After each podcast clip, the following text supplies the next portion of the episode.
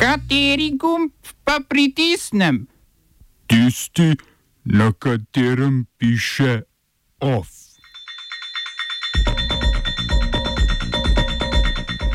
V Argentini uveljavili izredne gospodarske ukrepe. Bosna in Hercegovina ima po 14 mesecih novo vlado. V Italiji sprejeli proračun za leto 2020. Kulturnega pa nič razen božiča.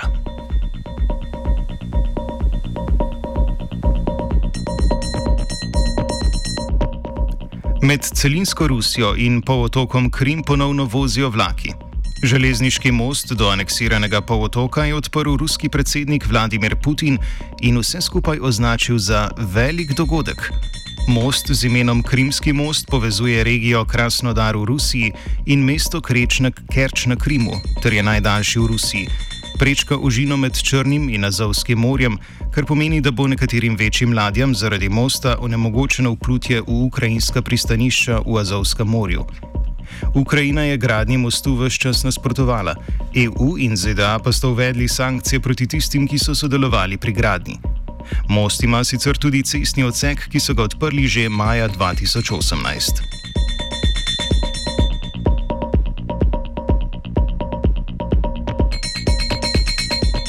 Znani so začasni rezultati volitev v Uzbekistanu. Preboj v parlament je uspel vsem petim strankam, ki so na njih nastopile. Največ glasov je dobila liberalna demokratska stranka s 43 sedeži od 150, na drugo mesto pa se je uvrstila stranka Militi Klaniš s 35. V 22 okrajih so kandidati prejeli premalo glasov, zato bodo morali volitve tam ponoviti. Vseh pet strank se je sicer že pred volitvami napovedalo podporo predsedniku Šavkatu Mirzijojevu. Ta je na čelu države leta 2016 nasledil preminulega Islama Karimova in upeljal nekatere reforme. Med drugim je, je državo odprl za turizem in tuje investicije. Zato je tudi časopis The Economist v Uzbekistanu podelil laskavi naziv Država leta.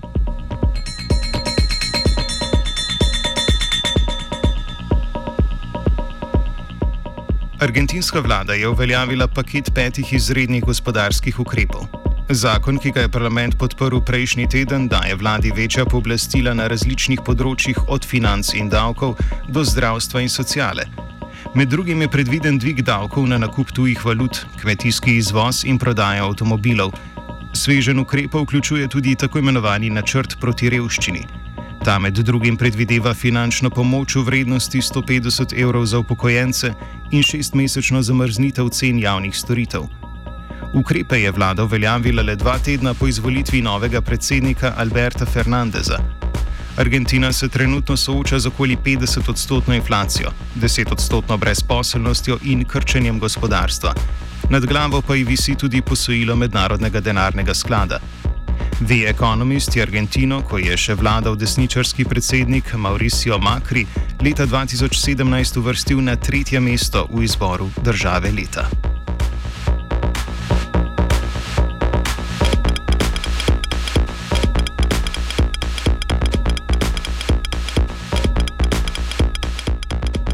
V Alžiriji ponovno potekajo protesti proti oblasti.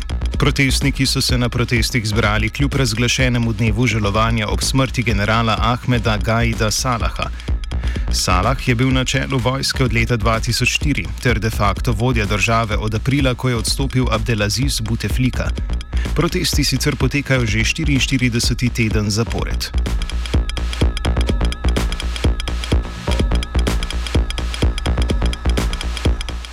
Italijanski parlament je potrdil proračun za leto 2020.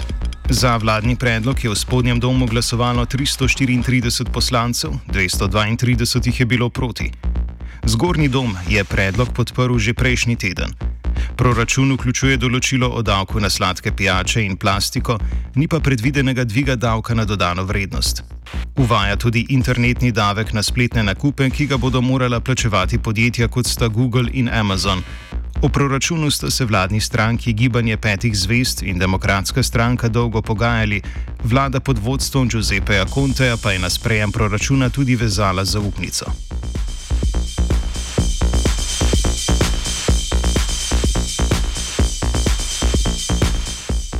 Bosna in Hercegovina ima novo vlado pod vodstvom Zorana Tegeltije. Parlament je 14 mesecev po volitvah le potrdil večino ministrov in njihovih namestnikov. Zavrnil je le kandidata za ministra za človekove pravice in begunce, obtoženega mobinga in korupcije, ter kandidata za namestnika ministra za varnost. Tegeltija vladnega programa še ni predstavil, je pa dejal, da želi iz sveta ministrov narediti učinkovito institucijo. Koalicijski sporazum so sicer sklenile tri glavne nacionalistične stranke: Hrvaška demokratska skupnost Bosne in Hercegovine oziroma HDZ-BIH, Bošnjaška stranka demokratske akcije ter Srpska zveza neodvisnih socialdemokratov.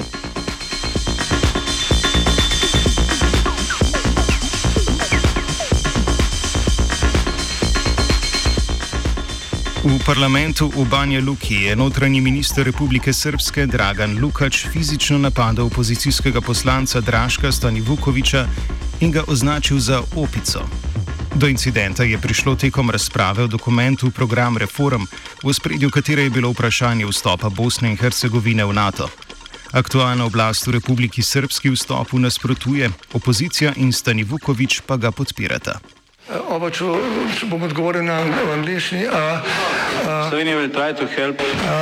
We can Slovenija will and we will do our utmost. To say that the situation is our problem ourselves. and uh, We will make further steps as soon as the conditions are. bomo vlado Marjana Cererja, Mira- eh, Marjana Cererja Šarca podprli. uh, very, very serious. we know how and we will. Pred Mariborsko srednjo šolo za oblikovanje poteka shod v podporo učiteljici Cvetki Hojnik. To je ravnateljica Nadja Jagar Popovič poklicala na razgovor pred izredno odpovedjo delovnega razmerja zaradi kršenja pogodbenih obveznosti. To naj bi storila, ker je učiteljica brez ravna, ravnateljičinega soglasja poučevala tudi na srednji poklicni in tehniški šoli Murska sobota. To po prepričanju ravnateljice pomeni, da upravlja konkurenčno dejavnost, zaradi katere naj bi šola utrpela škodo. Očitaj tudi nevestno, neodgovorno in nestrokovno upravljanje dela. Hojnik je na šoli zaposlena s polovičnim delovnim časom in je v preteklih štirih letih soglasje za poučevanje v Murski soboti dobila.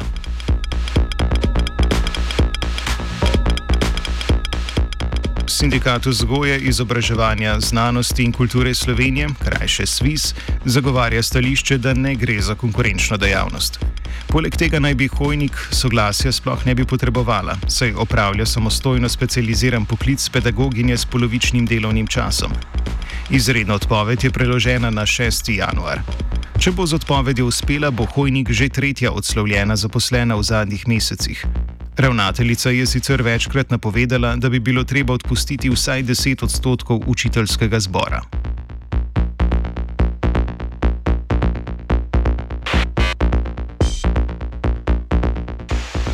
OF je pripravila Pija.